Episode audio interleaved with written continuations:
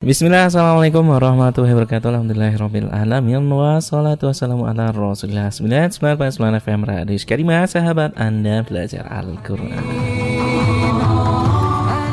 Iya, saudara, ilmu adalah yang memberikan manfaat Bukan yang hanya sekedar dihafal. Karenanya tuntutlah ilmu lalu amalkanlah. Sesungguhnya jika seseorang mencari ilmu Maka akan tampak di wajahnya, tangannya, lidahnya, serta dalam kerendahan hatinya. Ya, seorang di mana pun Anda berada, senang sekali ya saya Nusa di kesempatan uh, sore kali ini ya bisa kembali hadir di ruang dengar sahabat Quran semua ya di edisi hari Selasa di tanggal 7 uh, eh, Juni di tahun 2022 Masehi yang bertepatan juga dengan tanggal 7 Dzulqa'dah 1443 Hijriah.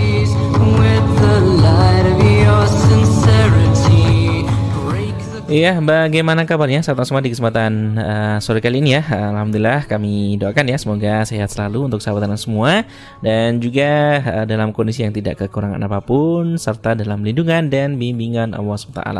Amin amin ya robbal alamin. Ya, saudara seperti biasa ya di Selasa sore Radio Iskarima menghadirkan sebuah kajian fikih ya yang mana insya Allah akan melanjutkan uh, pembahasannya ya di kitab Matan Abu Suja ya yang mana kitab ini adalah karya dari Al-Imam Al-Qadi Abu Suja ya. Dan mungkin uh, sahabat juga sudah familiar ya dengan kitab ini. Karena kitab ini adalah kitab yang uh, ringkas ya uh, yang kecil juga. Dan banyak juga dipelajari di Indonesia karena kitab ini banyak berfokus uh, dalam uh, fikih madhab syafi'iyah. Ya dan tentunya ya dalam pembahasan kitab ini saya tidak akan uh, sendiri ya telah kita hadirkan narasumber yang tentunya komentar dalam bidangnya dan beliau adalah Ustadz Wahyu di Prasto LC ya dan uh, sudah menemani kita dari waktu yang sangat lama ya. Ya alhamdulillah beliau masih diberikan keistiqomahan dan kita pun juga ya uh, bisa senantiasa uh, menghadirkan tema-tema fikih yang mana banyak dibutuhkan mungkin ya di kalangan masyarakat terutama event tol ya yang kemarin seputar Ramadan. Uh, dan setelah lagi kita akan masuk di bulan Dzulhijjah ya. Bulan atau juga sholat Id dan sholat Id uh, Idul Adha maksud kami. Dan tentunya di bulan itu akan banyak sekali pertanyaan tentunya seputar uh, udhiyah ya atau sembilan hewan kurban seperti itu ya.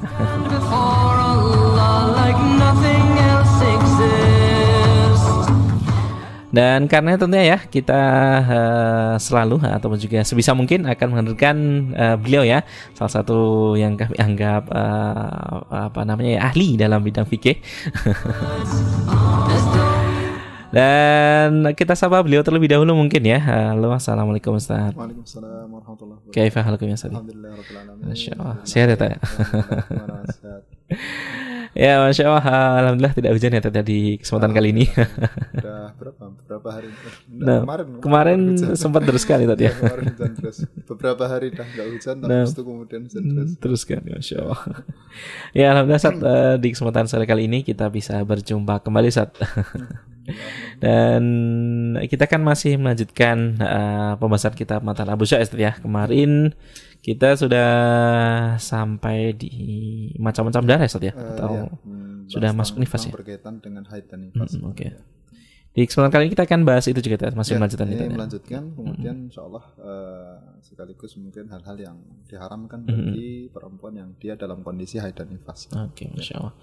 ya, uh, tentunya ya saudara semua di kesempatan kali ini seperti biasa kami membuka kesempatan untuk sahabat Quran semua yang ingin bertanya ya uh, di kesempatan kali ini kita mau bahas seputar uh, haid dan nifas. Monggo mungkin yang ahwat atau juga ibu-ibu yang punya pertanyaan seputar ini ya, karena uh, tentunya bab ini banyak lebih berfokus ya kepada umat seperti itu. Namun ya untuk ikhwannya atau juga bapak-bapaknya atau mas-masnya mungkin yang belum nikah uh, tidak ada salahnya untuk mendengarkan karena tentunya ini adalah ilmu dan tentunya suatu saat ilmu ini akan berguna seperti itu. Dan mungkin yang sudah punya ilmunya juga bisa mendengarkan sebagai sebuah murojaah dan uh, insya Allah tentunya nantinya akan dinilai sebagai sebuah ibadah seperti itu.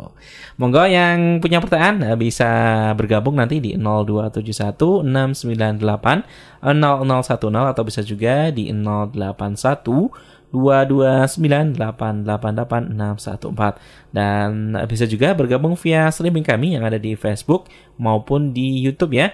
Untuk akunnya ada di Radio Iskarimah bisa di searching nanti di kolom pencarian dan tafadhol kalau punya pertanyaan bisa ditulis di kolom komentar insya Allah nanti akan kami bacakan di akhir sesi nanti insya Allah ya.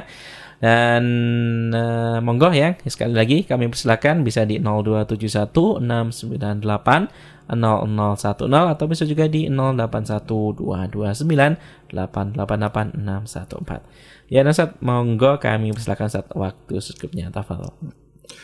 Bismillahirrahmanirrahim. Alhamdulillah rabbil alamin. Wassalatu wassalamu ala asyrafil anbiya wal mursalin wa ala alihi wa sahbihi wa man sara ala nahjihi ila yaumiddin. Amma.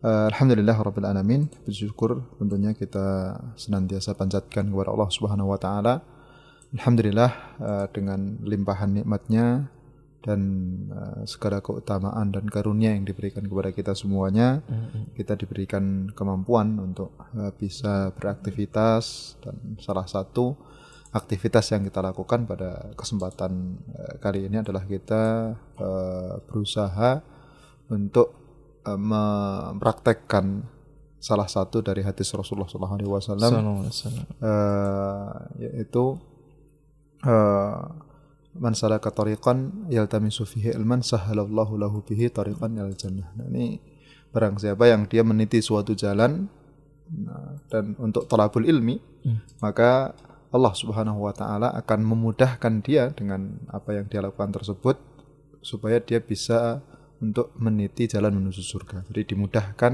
jalan dia untuk uh, bisa mencapai surganya Allah Subhanahu wa taala. Ini uh, kita berusaha untuk bisa mempraktekkan hadis tersebut uh, dengan kita mempelajari hukum-hukum Allah, mempelajari syariat-syariat Allah uh, dengannya kita pada hakikatnya ya memudahkan diri hmm. kita hmm. untuk supaya kita itu bisa masuk dimudahkan masuk surga oleh Allah Subhanahu wa taala. Jadi uh, ya bukan sesuatu yang berat asalnya karena kalau semuanya kita duduk di majelis ilmu, kalau hmm. semuanya walaupun mungkin uh, sekarang ini bukan secara langsung maknanya hmm. berada di satu majelis gitu kan, tapi kan uh, kita sudah uh, masuk dalam kategori ya kita itu belajar karena tujuannya sama-sama adalah kita untuk mempelajari hukum-hukum Allah walaupun tidak dalam satu majelis tapi ya insya Allah uh, tetap kita mendapatkan fadilah yang uh, sama gitu.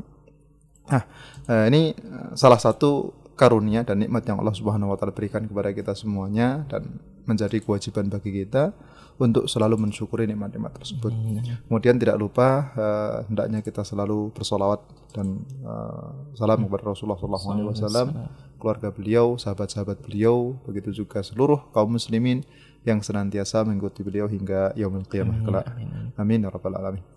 Uh, Alhamdulillah para pendengar di mana pun berada, sebagaimana yang tadi sudah disebutkan di mukaddimah kita membahas pembahasan berkaitan dengan uh, hukum darah wanita ya khusus hmm. untuk uh, wanita yaitu berkaitan dengan haid nifas kemudian juga ada yang namanya istihadah jadi yang uh, disebutkan oleh Syah Abu Suja dalam kitabnya dalam mata Nabi Suja kemarin kan sudah kita bahas pengertian dari masing-masing ketiga hal tersebut. Okay. Satu uh, kaitan dengan haid, itu disebutkan oleh beliau bahwa uh, darah yang keluar dari uh, perempuan.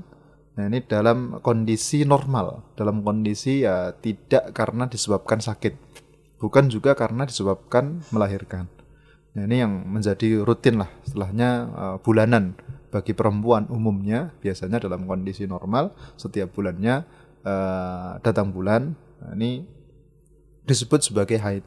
Kemudian uh, ada nifas yaitu darah yang keluar ketika setelah melahirkan ataupun ketika rahim itu kosong dari dari janin. Jadi sebelumnya ada janin, kemudian rahimnya kosong, maka masuk dalam kategori nifas. Kemudian yang terakhir beliau menyebutkan tentang istihadah. Nah, istihadah itu adalah darah yang dia keluar uh, tidak uh, tidak termasuk yang pertama dan tidak termasuk yang kedua. Jadi kalau masuk pertama otomatis dia masuk haid, masuk kedua masuknya nifas. Nah kalau tidak masuk dua-duanya berarti dia masuknya adalah istihadah. Kemudian juga sudah kita hmm. sebutkan juga nah. minimal haid itu berapa, maksimalnya berapa, kemudian juga minimal suci itu berapa. Karena dengan tiga patokan ini kan memudahkan kita untuk untuk uh, menghukumi darah yang keluar ini apakah dia itu darah uh, darah haid ataukah ntar ternyata dia masuknya adalah darah darah istihadah gitu kan. Uh, kemudian juga uh, sudah kita sebutkan kemarin itu untuk uh, minimal usia kan? Minimal usia kapan seorang perempuan itu dia bisa haid gitu kan? Yang disebutkan oleh beliau yaitu 9 tahun. Tapi 9 tahun ini kan 9 tahun tahun hijriah bukan tahun masehi. Karena kan ada perbedaan jumlah hari ya antara uh, tahun masehi dengan tahun hijriah. Makanya patokannya adalah tahun hijriah bukan tahun masehi. Sebagaimana dulu pernah kita bahas juga di uh, matan safinah bahwa uh, perhitungannya jangan sampai ntar patokannya pakai 9 tahun Masehi karena kalau 9 tahun Masehi padahal aslinya sebelumnya itu sudah uh, sudah masuk 9 tahun Hijriah itu kan. Karena kan setiap tahunnya itu kan ada perbedaan beberapa beberapa hari gitu kan. Kalau sampai 9 tahun berarti kan uh, bisa dikalikan bisa dikalikan 9 gitu. Kalau seumpamanya setiap uh, bulannya itu mungkin berapa? Seminggu ya mungkin kira-kira. Hmm. ataupun mungkin 10 hari lah anggap saja semua seminggu sampai 10 hari. Kalau dikalikan 9 kan berarti hampir 10 90 hari bedanya. Berarti kan hampir 3 3 bulan. Jadi minimalnya itu jadi 9 9 uh, tahun dengan tahun Hijriah. Nah kemudian 9 tahun Hijriah ini adalah tidak serta merta plek seperti itu. Maknanya kalau sumpamanya 9 tahun itu pada tanggal 20 gitu. Pada tanggal 20 bulan ini, sekarang semuanya ini bulan uh, Dzulqa'dah ya. Mm -hmm. 20 bulan Dzulqa'dah. Nah, jadi genap 9 tahun Mas uh, Hijriah. Nah, terus uh, keluar darah sebelum tanggal tersebut berarti tidak masuk haid. Nah, ini tidak tepat. Karena makna yang disebutkan oleh para ulama ketika menyebutkan 9 tahun di sini adalah 9 tahun itu perkiraan. Kira-kira adalah 9 9 tahun. Makanya eh, kalau seumpamanya ada darah yang keluar sebelum pas tanggal 20 Dzulqa'dah ini dengan jarak itu uh, kurang dari masa minimal uh, masa uh, minimal haid kemudian sama minimal suci yaitu kan berarti kurang dari 16 hari karena kalau minimal haid itu kan satu hari satu malam. Kemudian minimal suci 15 hari. Dan ditambahkan kan berarti 16. Ketika keluarnya itu di bawah 16 ataupun 16 hari kurang, ya berarti di sini masuk hitungan haid. Beda kalau sumpamanya lebih dari 16. Sumpamanya tanggal 20 ini genap genap e, eh, 9 tahun, keluarnya keluar darah tersebut pada tanggal 1. Nah, tanggal 1 darah yang keluar pada tanggal 1 ini dia tidak bisa dikatakan sebagai haid. Kenapa? Karena sudah melebihi uh, batasan tadi, kurang dari 16 hari. Beda kalau seumpamanya keluarnya adalah di tanggal 10. Tanggal 10 pada bulan Dzulqa'dah ini keluar darah. Nah, darah ini berarti akan dikatakan sebagai darah haid ketika kalau seumpamanya memang dia memenuhi syarat minimalnya yaitu hmm. satu hari satu satu malam kemudian juga tidak uh, melebihi batasan batasan maksimalnya.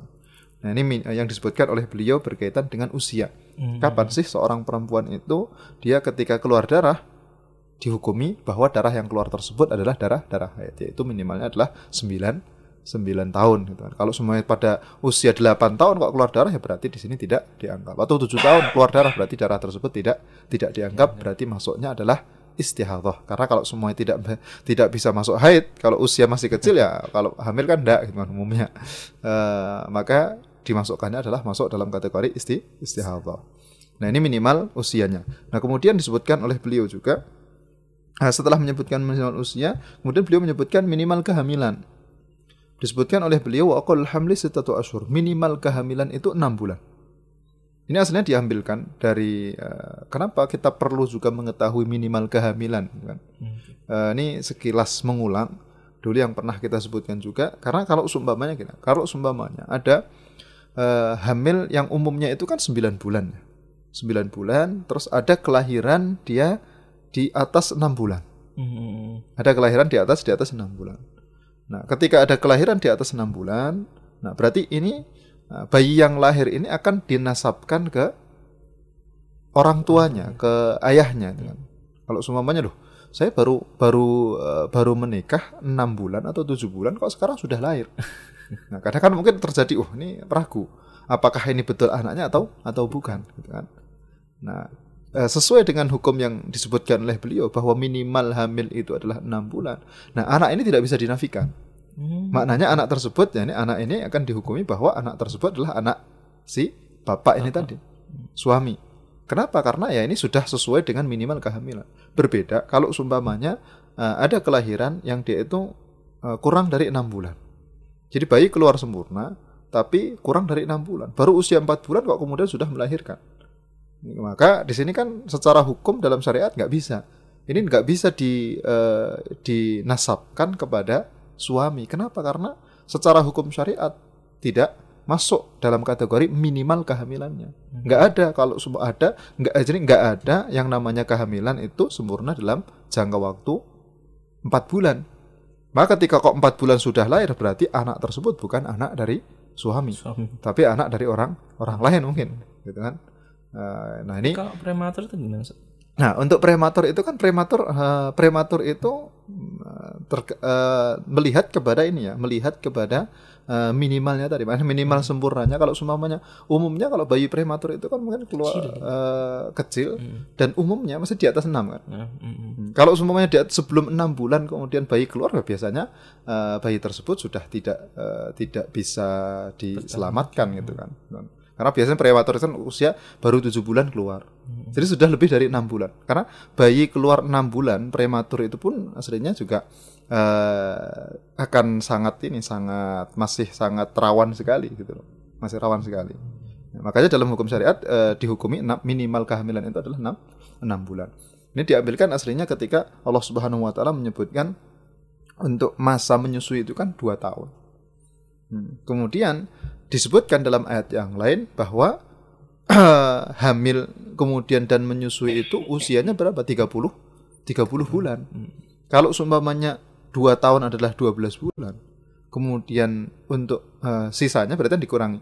Eh, apa eh, dua tahun itu adalah dua set- satu tahunnya 12 berarti kan 24. 30 kurangi 24 kan sisanya 6 6 bulan gitu. Eh, nah maka dihukumi dari situ bahwa yang namanya kehamilan adalah 6 6 bulan tadi. Nah ini minimalnya, minimal keham- kehamilan ketika semuanya ada anak yang keluar dia di usia 6 bulan kemudian kok anak tersebut ya dalam kondisi normal ya, dalam kondisi normal maka ya berarti di sini anak tersebut adalah anak syar'i dari sang suami gitu kan. Maknanya bisa dinasabkan kepada kepada sang suami tersebut. Tapi kalau seumpamanya eh, keluar normal dalam kondisi mungkin kurang dari dari enam bulan tersebut, terus eh, ini secara hukum syariat, nah ini tidak bisa di dinasabkan. Kenapa? Karena eh, kurang dari masa minimalnya. Nah kemudian paling banyaknya disebutkan oleh beliau paling banyaknya adalah empat tahun. Walaupun secara kalau kita kembalikan secara kedokteran, soal mungkin nggak ada ya orang yang dia hamil selama empat empat tahun, empat tahun eh, dalam perut, baru keluar setelah usia ke eh, tahun keempat. Nah ini kan kalau secara kedokteran nggak ada. Tapi kenapa kok disebutkan oleh beliau maksimalnya empat tahun? Ini karena Imam Syafi'i beliau melihat pernah menemui sebuah kejadian. Ada seorang perempuan yang dia hamil tiga anak itu selama 12 tahun. Jadi tiga anak ini setiap anaknya itu hamilnya empat tahun. Empat tahun, empat tahun, empat tahun.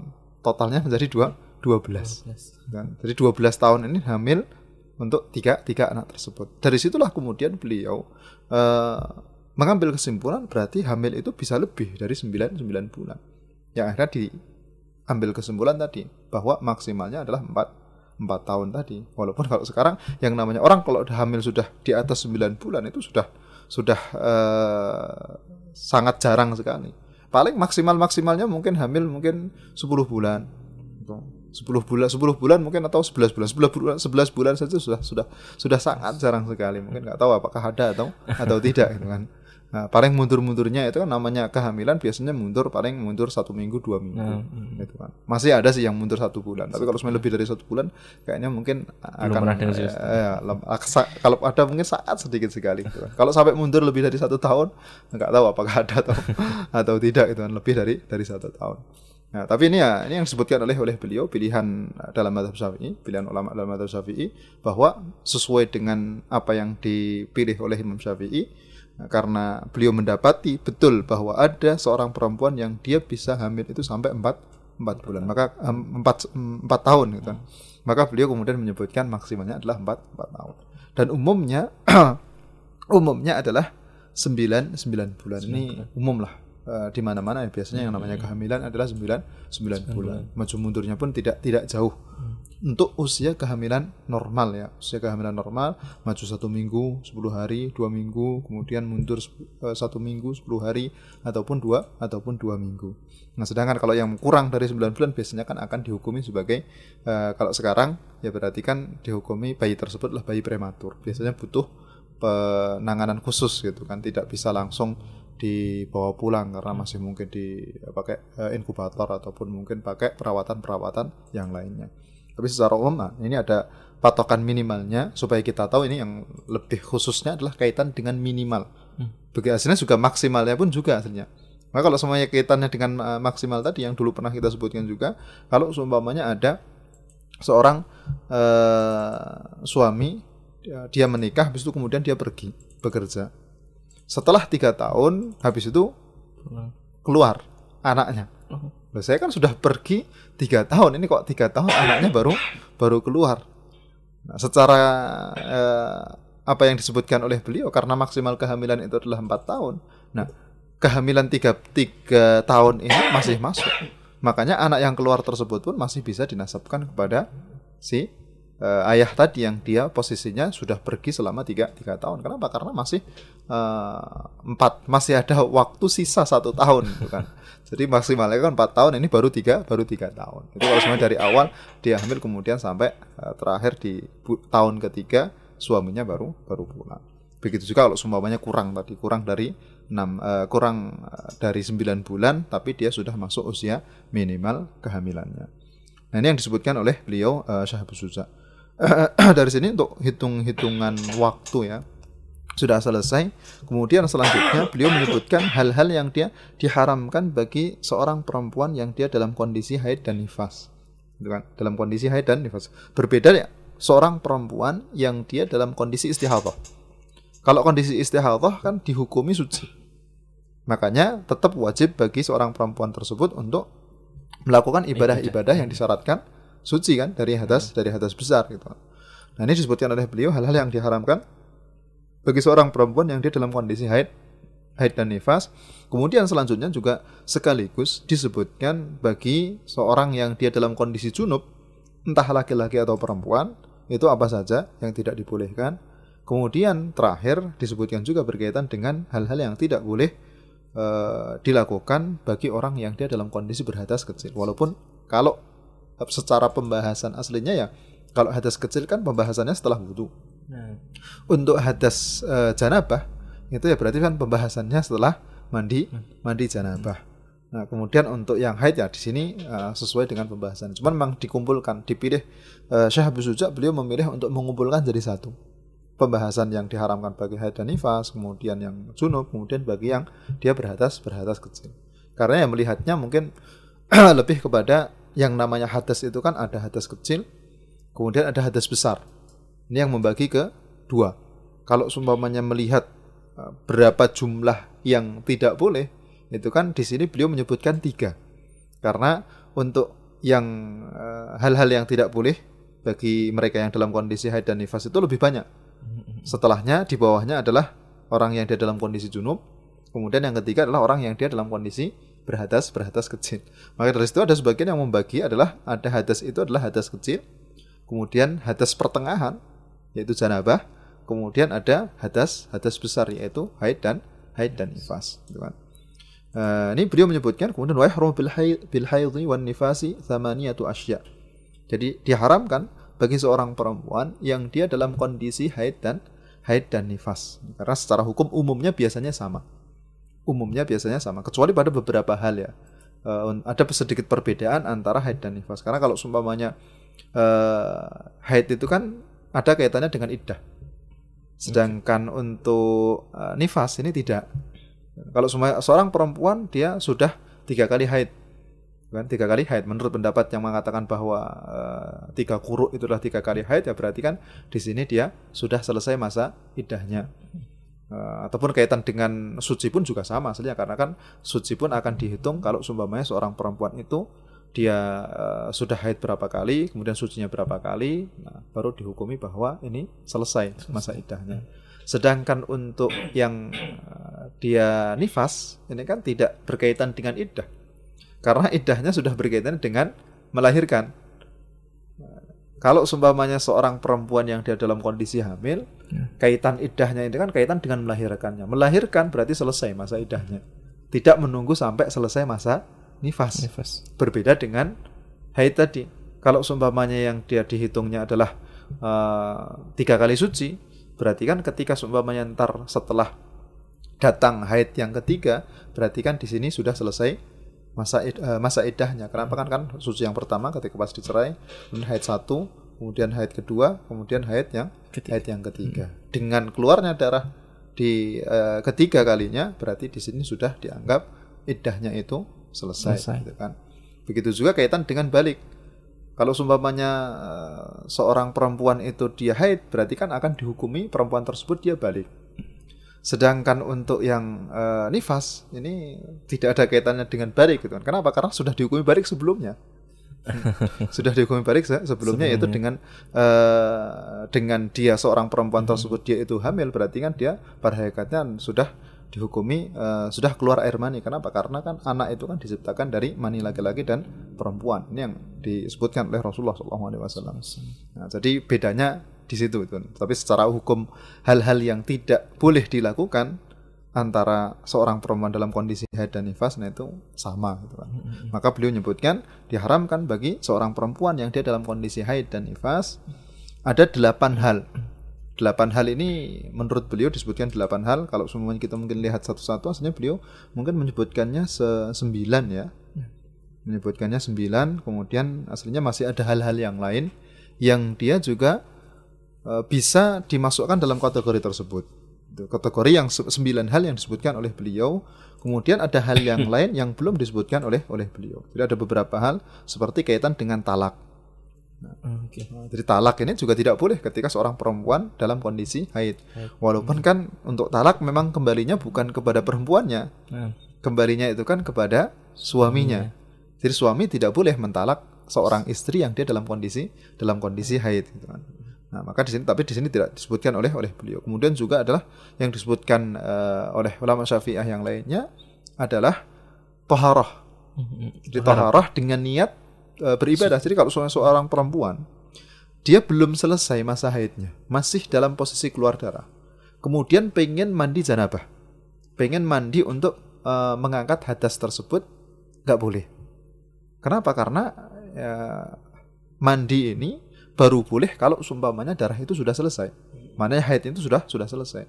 Jadi kalau sumpamanya darah itu masih ada, kemudian perempuan tersebut kok pengen mandi, mandi uh, janabah maknanya untuk uh, ini wah ini haidnya uh, di istilahnya masih posisi haid tahu bahwa masih darah itu masih ada tapi dia niat mandi dan mandi tersebut adalah mandi untuk ta'abud beribadah beribadah yang niatnya adalah untuk menghilangkan menghilangkan hadas tersebut nah ini nggak boleh berbeda kalau semua ya mandi mandi biasa saja maknanya mandi niatannya adalah untuk membersihkan membersihkan badan jadi ada beberapa pengecualian seperti ketika mandi haji itu boleh. Oh, okay. Ya, kalau seumpamanya perempuan yang dia dalam kondisi haid dan nifas, kemudian ternyata ini kan mungkin pas perjalanan haji, habis itu di tengah, di tengah jalan nifas umpamanya melahirkan, ataupun mungkin di tengah jalan ternyata malah haid. Nah, bagaimana apakah seorang perempuan tersebut boleh mandi untuk ihram ini kan juga mandi yang dia disunahkan juga kan, termasuk bagian dari mandi yang memang dia di, disunahkan. Apakah boleh? Boleh. Tidak masalah. Kenapa? Karena memang uh, di sini dilihatnya itu lebih kepada mandi tersebut itu tujuannya untuk membersihkan badan. badan. Nah, makanya bu, boleh. Uh, begitu juga kalau seumpamanya mandi untuk sholat id itu juga sama, boleh-boleh juga. Tapi kalau mandinya untuk mengangkat hadas uh, dari haid dan nifas tersebut, nah ini nggak boleh. Nah, ini yang uh, tidak disebutkan oleh beliau, uh, tapi secara umum umumnya sudah sudah disebutkan. Hal yang pertama yang disebutkan oleh beliau, yaitu yang tidak boleh dilakukan orang ketika dia dalam kondisi haid dan nifas, pertama adalah sholat. Nah, sholat di sini entah sholat fardu ataukah sholat nafilah sama hukumnya. Jadi entah sholat fardu atau sholat nafilah, hukumnya hukumnya sama. Bahkan hal-hal yang dia masuk dalam kategori sholat. Tidak hanya sekedar sholat saja. Tapi hal-hal yang masuk dalam kategori sholat. Seperti khutbah Jumat. Gitu kan. Cuman kalau semuanya khutbah Jumat kan bukan untuk perempuan ya. Ini kan untuk mungkin uh, bagi laki-laki ya semuanya dia dalam kondisi junub. Nah, ini uh, ntar uh, ketika dalam pembahasan junub, nah ini seorang laki-laki yang dia dalam kondisi junub ya dia tidak boleh khutbah Jumat dalam kondisi tersebut. Kemudian uh, untuk yang kaitan sholat bisa juga berkaitan dengan seorang perempuan yang dia dalam kondisi haid dan nifas, yaitu adalah sujud tilawah. Sujud sujud tilawah. Ketika dia mendengarkan bacaan Al-Quran, kemudian sujud tilawah. Ini juga tidak boleh. Bahkan sujud syukur pun sama. Kenapa? Karena dua sujud tersebut, sujud tilawah kemudian sujud syukur itu kan dimaknai seperti halnya sholat dimaknai seperti hanya dimaknai seperti halnya sholat nah makanya uh, dia tidak tidak, tidak bisa itu hmm. tidak boleh dilakukan bagi seorang perempuan yang dia dalam kondisi haid dan nifas walaupun uh, secara akhirnya ini kan tidak sebagaimana sholat biasanya kan kita cuma hmm. melakukan sujud saja tidak ada takbiratul ihram, kemudian tidak ada salam. Hmm. Tapi ya karena memang para ulama Syafi'i memasukkan dua hal tersebut itu seperti sholat. Walaupun bukan sholat secara khusus, yaitu yang dimulai dari takbiratul ihram diakhiri dengan salam, tapi dia maknanya itu seperti halnya sholat, maka tidak boleh bagi seorang perempuan yang dia dalam kondisi haid dan nifas untuk melakukan hal-hal tersebut. Jadi sholat, kemudian uh, sujud tilawah, sujud syukur, sholat tersebut entah sholat fardu ataukah umpamanya sholat uh, nafilah, semuanya tidak boleh dilakukan oleh seorang seorang perempuan. Dan uh, kalau sumpamanya seorang perempuan tetap melakukan sholat, padahal dia tahu bahwa tidak yes. boleh mengerjakan sholat tersebut, malah berdosa. berdosa. Bahkan termasuk dosa besar. Oh, seorang ya, besar seorang perempuan hmm. yang dia sudah tahu bahwa ketika dia dalam kondisi haid itu tidak boleh sholat. Hmm. Kemudian dia tetap ingin mengerjakan sholat.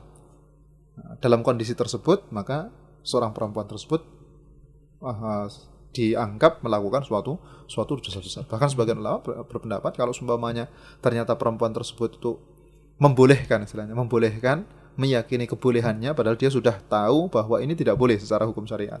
Kemudian menghalalkannya, maka bisa keluar dari agama Islam. Oh, sampai ya. spesifik. Ya, karena oh, uh, karena kan sudah mengetahui bahwa ini haram. Tidak boleh dilakukan. Oh. Terus malah kenapa kok uh, kemudian di, dihalalkan padahal Allah Subhanahu wa taala sudah mengharamkan bagi seorang perempuan ya dalam kondisi haid dia tidak boleh mengerjakan sholat. Gitu. Maka jangan sampai mengerjakan sholat. Ketika mengerjakan sholat uh, dia dosa besar. Nah kalau sampai kemudian menghalalkannya, ini kan menghalalkan sesuatu yang diharamkan oleh Allah Subhanahu Wa Taala. Nah, ini uh, hal pertama yang tidak boleh dilakukan oleh seorang perempuan yang dia dalam kondisi haid dan nifas dan tidak perlu mengkodok. Jadi hmm. tidak perlu tidak perlu mengkodok. Kenapa? Karena kalau semuanya ini kan sudah tidak wajib secara hukum memang sudah tidak wajib maka tidak perlu seorang perempuan untuk mengkodok sholat tersebut. Ini berbeda dengan puasa ya. Untuk puasa ada kewajiban mengkodok, tapi sedangkan untuk sholat tidak ada kewajiban untuk mengkodok. Sebagaimana hadis yang diriwayatkan dari ibunda Aisyah radhiallahu taala anha ketika hmm. ada seorang perempuan datang bertanya kepada beliau, e, kenapa kok kita ini diperintahkan untuk mengkodok puasa, tapi tidak pernah tidak diperintahkan untuk mengkodok sholat. Kemudian ya jawaban beliau ya kita pada zaman Rasulullah kita diminta oleh Rasulullah untuk melakukan hal tersebut. Hmm. Kunna nu'maru bi qada'i siyam wa lam nu'mar bi qada'i shalah. Jadi diminta untuk mengkodok puasa tapi tidak diperintahkan untuk mengkodok sholat. Ya, secara hikmahnya sih sebenarnya kalau sumpamanya sholat itu kan satu hari lima waktu ya. Hmm. Kalau sumpamanya seorang perempuan itu haidnya sampai maksimal haid yaitu 15 hari, otomatis kan berarti harus uh, eh, 15 kali kali 5 gitu kan. Berarti kan ada berapa 70 75 sholat yang harus dia kodok kan akan sangat memberatkan. Berbeda dengan puasa yang hitungannya kan setiap harinya itu sah, satu. Maksimal saja berarti kalau semuanya seorang perempuan itu haidnya maksimal berarti cuman mengkodok 15 15 hari itu. Setelahnya setengah setengah bulan. Nah, ini bedanya antara puasa dengan sholat tadi. Iya. Jadi kalau uh, puasa lebih memungkinkan untuk dikodok hmm. dan puasa ini kan juga cuman satu bulan satu tahun. Okay. Sedangkan sholat ini tidak ada liburnya. Yang namanya sholat setiap hari mesti sholat mau uh, dalam kondisi id ataupun tidak dalam kondisi id hari-hari tasyrik ataupun hal-hal yang eh, hari-hari yang memang biasanya diharamkan untuk berpuasa, kita kan tetap mengerjakan sholat. Sholat. Hmm. Tidak ada yang namanya kata libur dari sholat itu kan tidak tidak ada setiap hari ya tetap kita mengerjakan sholat itu lima lima waktu gitu kan. Makanya kenapa kok tidak diperintahkan mengkodok ya supaya meringankan. Gitu kan. Ini yang pertama. Nah kemudian yang selanjutnya yang disebutkan oleh beliau yaitu puasa. Hmm. kan. Nah puasa ini eh, sama seperti halnya sholat tadi itu, cuman bedanya tadi kalau puasa ini ada kewajiban untuk mengkodok, Hmm, hmm, hmm. tidak ada kewajiban untuk untuk mengkodok. Ketika seorang perempuan berpuasa, padahal seorang perempuan tersebut tahu bahwa dia dalam kondisi haid, ya puasa tersebut tidak sah. Bahkan seorang perempuan tersebut dia juga berdosa. Yang namanya seorang perempuan dalam kondisi haid kan nggak boleh mengerjakan puasa. Kenapa kok dia malah mengerjakan mengerjakan puasa? Ya berarti harus eh, meninggalkan puasa. Mana meninggalkan puasa ini adalah meninggalkan eh, niatannya juga. Hmm, hmm, hmm. Nah, meninggalkan niatannya. Berbeda berbeda. Kondisinya kan kadang ini. Seorang perempuan ketika eh, dia puasa, habis itu datang, datang haid. Nah, Datang haid, kewajibannya adalah untuk menyatakan dalam diri dia ini dia tidak berpuasa. Hmm. Walaupun belum makan dan minum. Walaupun belum makan dan minum. Jadi ada perbedaan antara meninggal eh, meninggalkan makan dan minum dengan niatan puasa sama meninggalkan makan dan minum karena memang tidak ada nafsu makan. Hmm, oh. Ini kan beda. Nah, Yang membedakan sama walaupun sama-sama Sama tidak makan makan. dan tidak minum, kalau dia tidak meniatkan puasa kan tidak bisa dihitung puasa. Hmm. Yang menjadikan ini disebut sebagai puasa kalau seumpamanya ada niatan dengan meninggalkan makan dan minum tersebutlah niatan pua- puasa. Makanya dalam kondisi seorang perempuan pas posisi bulan Ramadan, kemudian di tengah hari datang bulan. Nah, datang bulan, nah kewajibannya di sini adalah untuk meninggalkan puasa. Meninggalkan puasa bukan berarti wajib untuk makan minum. Hmm, hmm, hmm. Jadi meninggalkan puasa, meninggalkan niatnya. Nah, kalaupun dia tidak mau makan dan minum karena eh, hal-hal yang lain, bukan karena niatan puasa, di sini tidak tidak masalah. Tapi kalau sumpamanya tetap tidak mau makan dan minum, wah ini nanggung nih, puasanya kan tinggal sedikit. Jadi keluar darahnya sumpamanya mungkin ketika waktu asar, Asar. kan? Datang bulannya ketika waktu waktu asar ini kan nanggung tinggal beberapa jam lagi itu kan. Iman Tinggal iman. beberapa jam lagi akhirnya mungkin sekaligus dilanjutkan puasanya. Nah, ini tidak boleh. Kenapa? Karena sekarang posisinya harus meninggalkan pua- puasa. Puasa. Berbeda dengan yang kedua. Oh, ini eh, sudah waktu sore sumpamanya. Tidak mau makan dan minum ya ntar aja lah males sekarang sekarang mau makan dan minum eh, toh sebentar lagi juga pada berbuka ntar makan minumnya ikut sekaligus, Sekaligus. sekalian orang-orang pada pada buka. Nah ini yang kedua ini tidak masalah. Tapi kalau yang pertama melanjutkan puasa karena sekaligus, oh ini sekalian dilanjutkan puasanya, wah toh kurang sedikit, kurang sedikit. Ini kan tetap puasa tersebut tidak dihitung, kemudian ya ini tidak bisa dilanjutkan. Sedangkan yang kedua kan memang sudah meyakini bahwa puasa tersebut tidak akan dihitung, Hmm, hmm, hmm. tapi tidak makan dan minum ya karena ntar nunggu sekalian waktu orang-orang pada berbuka saja. Nah ini eh, hal yang kedua yang diharamkan bagi seorang perempuan yang dia dalam kondisi dalam kondisi haid dan haid dan nifas. Eh, mungkin ini dulu yang kita ambil. Insya Allah mungkin untuk hal-hal yang lain akan kita lanjutkan di kesempatan yang akan datang. Eh, masih ada banyak hal yang insya Allah mungkin akan kita bahas karena baru kita ambil dua dari delapan hal yang disebutkan oleh beliau. Uh, anak kulihal ini tadi eh, sebagai uh, mukaddimah dua hal uh, yang dilarang uh, bagi orang yang dia dalam kondisi haid dan nifas bagaimana disebutkan oleh uh, Syekh Abu Suja dalam uh, kitabnya ini. Uh, kita cukupkan sekian. Wassalamualaikum Muhammadin wa ala alihi wa sahbihi wasallam. Ya, Masya Allah. Uh, Ustaz atas ilmunya yang telah disampaikan di kesempatan kali ini dan tentunya semoga bermanfaat untuk anak khususnya dan juga sahabat Quran semua di mana pun anda yang di di mana pun anda berada yang mendengarkan tentunya di kesempatan kali ini.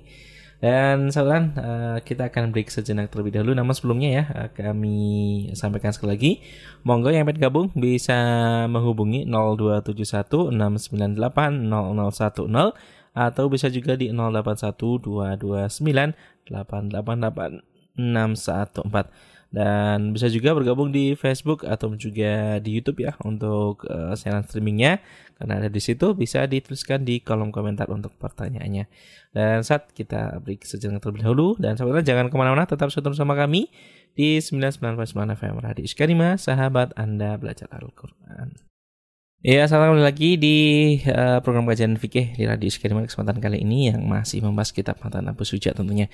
Dan setelah di sesi ini kita akan masuk ke pertanyaan ya dan akan kita bacakan pertanyaan yang sudah masuk dari sahabat Quran semua. Kita ambilkan dari SMS ya. Ini kaitannya dengan kurban saat uh, dari Fit Putra di Sukoharjo.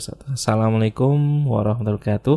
Assalamualaikum Izin bertanya, uh, Sat. Uh, yang pertama, di lingkungan saya ada keluarga yang beragama berbeda satu keluarga. Apa boleh korban di atas namakan anak dan apa boleh non Muslim menjadi uh, panitia rewang? Itu yang pertama saat. Dan yang kedua, apakah korban harus dipertontonkan atau boleh setiap keluarga atau rumah menyelenggarakan sendiri-sendiri saja jazakumullah khairan. Uh, Bismillahirrahmanirrahim. Pertama berkaitan dengan uh, tadi ya kalau sumpamanya satu keluarga ini ada uh, beberapa pemeluk agama. Hmm. Ada, ada yang beragama Islam, kemudian yang lainnya dia beragama uh, bukan Islam gitu kan.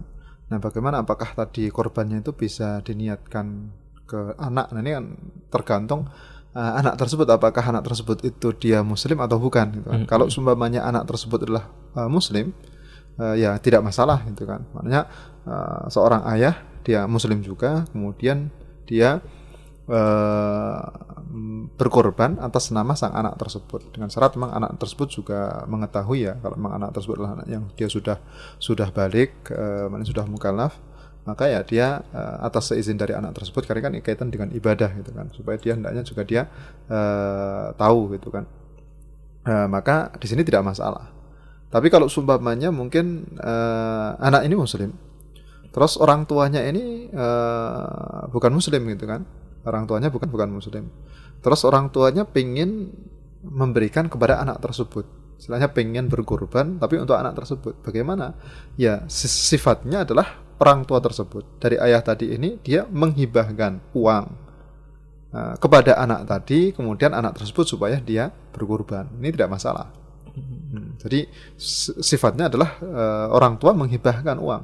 Banyak uang tersebut diberikan kepada anak nih silahkan digunakan untuk berkorban. Nah, biar tar anak tersebut yang dia uh, berkorban gitu kan. Atau seumpamanya ketika sudah dihibahkan uangnya habis itu kemudian anaknya itu mewakilkan kepada ayahnya untuk dia memberikan ke panitia korban seumpamanya ini pun juga tidak tidak masalah. Yang jelas pokoknya dihibahkan. Jadi bukan dari orang tua yang dia berkorban gitu kan. Karena kalau seumpamanya posisi orang tersebut bukan seorang muslim ya tidak bisa dia berkorban gitu kan. Jadi ini kondisinya tinggal melihat uh, ini seperti apa karena tadi tidak disebutkan apakah uh, orang tuanya yang dia muslim ataukah kemudian anaknya yang dia muslim atau seperti hmm. seperti apa. Jadi kondisi-kondisinya seperti seperti itu. Yang jelas korban ini kan hanya untuk orang orang muslim orang saja muslim. karena ini kan bagian dari bagian dari ibadah. Maka kalau seumpamanya ada orang kafir yang dia ingin memberikan hadiah kambing ataupun mungkin dalam bentuk uang terus digunakan untuk korban seorang muslim ini hukumnya boleh jadi sah-sah saja dan hmm. tidak tidak mengapa gitu kan. Ini yang pertama. Kemudian yang kedua adalah berkaitan dengan uh, kalau seumpamanya ada orang kafir yang memang ini uh, diminta apakah boleh diikut sertakan untuk uh, bantu-bantu gitu kan. Bantu-bantu ya paling potong-potong daging seumpamanya hmm. ataupun mungkin potong-potong uh, tulang dan lain sebagainya selama bukan uh, yang menyembelih ya. Karena kalau menyembelih kan disyaratkan harus seorang harus seorang muslim gitu. Uh, kalau sumpamanya kalau sumpamanya orang tersebut itu di apa di uh, perbantukan gitu kan diperbantukan untuk memotong-motong saja ini tidak masalah gitu kan. Secara hukum sih boleh boleh boleh saja. Cuman masalahnya adalah kaitan dengan masalah memberi. Hmm. memberi daging kepada orang selain muslim itu apakah boleh atau tidak. Dalam madhab syafi'i sendiri tidak boleh. Hmm. Hmm. kenapa? Karena ini kan khusus untuk orang muslim. Jadi ini jamuan Allah yang diberikan kepada kaum muslimin secara khusus. Makanya uh, dalam madhab syafi'i tidak boleh tidak bisa memberikan daging kepada selain selain orang muslim. Jadi harus diberikan kepada seorang seorang muslim. Ini. Ini yang uh, disebutkan oleh ulama ulama Syafi'iyah. Nah, jadi kalau semua memang mau membantu secara sukarela ya silahkan gitu. Jadi silahkan ntar uh, di apa uh, diperbantukan tidak tidak masalah. Ataupun mungkin kita meminta bantuan dia dengan upah, kan? Dengan upah seumpamanya karena dia mungkin entah dia yang masaknya ataupun seumpamanya dia mungkin yang motong-motongnya, kemudian kita ngasih upahnya tapi uang, hmm. bukan ngasih upahnya itu dari daging okay. yang sudah uh, disembelih hmm. tersebut kita kasih uang ini tidak tidak masalah karena kan ini posisinya seperti ya, seperti upah pada umumnya ketika hmm. kita meminta orang lain untuk bekerja habis itu kemudian kita berikan upah tersebut ini tidak tidak masalah. Nah kemudian uh, yang ketiga tadi berkaitan dengan korban apakah dia harus dipertontonkan? Nah ini termasuk bagian dari sunnah. Karena dia bagian dari syiar. Dengan bagian dari bagian dari syiar maka salah satu termasuk bagian dari sunnah adalah ketika menyembelih hendaknya dipertontonkan kepada banyak orang. Mm-hmm. tapi ini secara hukum dia sunnah itu kan? Mm. bukan menjadi sebuah kewajiban uh, kalaupun sumpahnya tidak dipertontonkan pun tidak masalah dan korban tersebut tetap sah. Tetap sah yang penting dilaksanakannya ketika sudah masuk waktunya. Pas menyembelihnya itu sudah masuk, sudah masuk, sudah masuk waktunya. Kalau semuanya belum masuk waktunya, uh, orang belum pada uh, istilahnya orang orang-orang mungkin Uh, masalah mungkin nyembelihnya pas malam id umpamanya. Ini kan belum masuk waktu. Nah, tapi insya Allah kalau mau berkorban ya nggak ada lah orang yang mau nyembelih malam id baru kok sudah di sudah disembelih. Ya umumnya biasanya namanya berkorban ya nyembelihnya kan setelah selesai setelah selesai sholat. Nah ini sudah masuk waktu kalaupun kemudian disembelih sendiri seumpamanya di rumahnya terus habis itu kemudian di uh, kuliti sendiri hmm. habis itu kemudian dibagikan sendiri ya tidak masalah hmm. karena memang bukan menjadi sebuah keharusan untuk diserahkan ke panitia. Nah, panitia ini kan sifatnya kalau yang sekarang ini kan memudahkan saja, memudahkan, memudahkan bagi uh, para mudhahi yang mereka pengen berkorban daripada mungkin ngurusi sendiri kan sudah ada sudah ada panitianya. Hmm. Tapi kalau seumpamanya mau dilakukan sendiri uh, dari sejak menyembelihnya, ngulitinya, motong-motongnya, kemudian membagikannya kepada orang-orang, nah ini tidak tidak masalah. Karena kalau untuk daging korban tidak bisa di diambil sendiri ya, maksudnya hmm. dimakan sendiri tidak bisa. Kenapa? Karena harus ada bagian yang dia disedekahkan harus ada bagian yang disedekahkan kepada orang fakir dan orang fakir dan miskin gitu kan. Makanya uh, kalau memang tadi itu dilakukan sendiri kemudian dibagikan sebagaimana yang semestinya tidak masalah dan secara hukum korbannya pun tetap tetap sah gitu kan. Tapi ya uh, untuk lebih utamanya karena uh, mempertontonkan korban adalah bagian dari sunnah ya lebih baik untuk di uh, nampakkan syiar tersebut uh, di kalangan kaum kaum muslimin itu. Allah taala. Ya, Masya Allah. Itu tadi jawabannya ya untuk uh, fitrah yang ada di Sukoharjo saat. Ini yang satu pertanyaan lagi nggak mas ya? Ini baru masuk saat ada di uh, 2812. Assalamualaikum saat. Waalaikumsalam warahmatullahi wabarakatuh. Uh, bagaimana hukumnya seorang wanita yang sudah menopause namun uh, masih melihat ada bedak darah saat yang keluar ini bagaimana hukumnya saat? Ya. Uh, seorang perempuan yang sudah menopause ya, kemudian ketika ada darah bercak darah yang keluar, ya kan? Dalam madhab syafi'i kan tidak ada batasan seorang perempuan itu haidnya sampai usia berapa, mm -hmm. tidak ada batasan. Selama seorang perempuan dia uh, dalam usia tertentu, usia yang memang tadi di atas 9 tahun hijriah tadi, kemudian kok seorang perempuan tersebut itu melihat darah, dan darah tersebut masih memungkinkan untuk dimasukkan dalam kategori haid tadi dengan ada minimal haidnya itu, itu satu hari satu malam ya berarti darah tersebut dihukumi sebagai darah haid walaupun bercak dalam madhab syafi'i walaupun bercak dia masuk dalam kategori haid hmm. jadi walaupun walaupun bercak tidak darah yang dia meng, uh, me, uh, tidak sebagaimana mungkin haid yang dia keluarnya banyak ya, ya. Itu, uh, tidak sebagaimana darah yang darah haid umumnya yang dia keluarnya banyak tetap bercak pun ketika memang dia adalah dalam waktu yang memungkinkan untuk dimasukkan dalam kategori haid ya berarti dia dihukumi sebagai sebagai haid.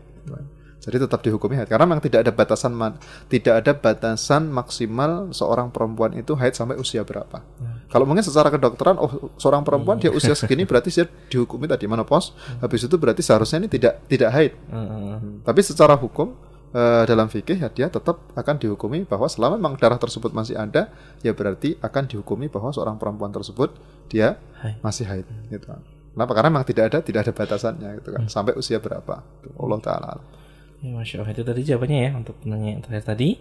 Dan saudara kita harus cukupkan dulu ya perjumpaan kita di kesempatan kali ini. Kami ucapkan jazakumullah atas uh, perhatiannya di kesempatan kali ini dan untuk mengirimkan pertanyaan tadi jazakumullah khairan. Dan juga sekali lagi jazakumullah khair atas ilmu dan waktunya saat sudah uh, disampaikan kepada kami semua di kesempatan kali ini dan uh, kami doakan semoga kami atau juga kita semua bisa berkumpul kembali di episode selanjutnya tentunya. Amin. Amin ya rabbal alamin. Dan sekarang kita tutup dulu perjumpaan kita kesempatan kali ini dengan hamdalah dan doa kafaratul majelis alhamdulillahirabbil alamin. Subhanakallahumma wa bihamdika asyhadu an la ilaha illa anta astaghfiruka wa atubu ilaik. Wassalamualaikum warahmatullahi wabarakatuh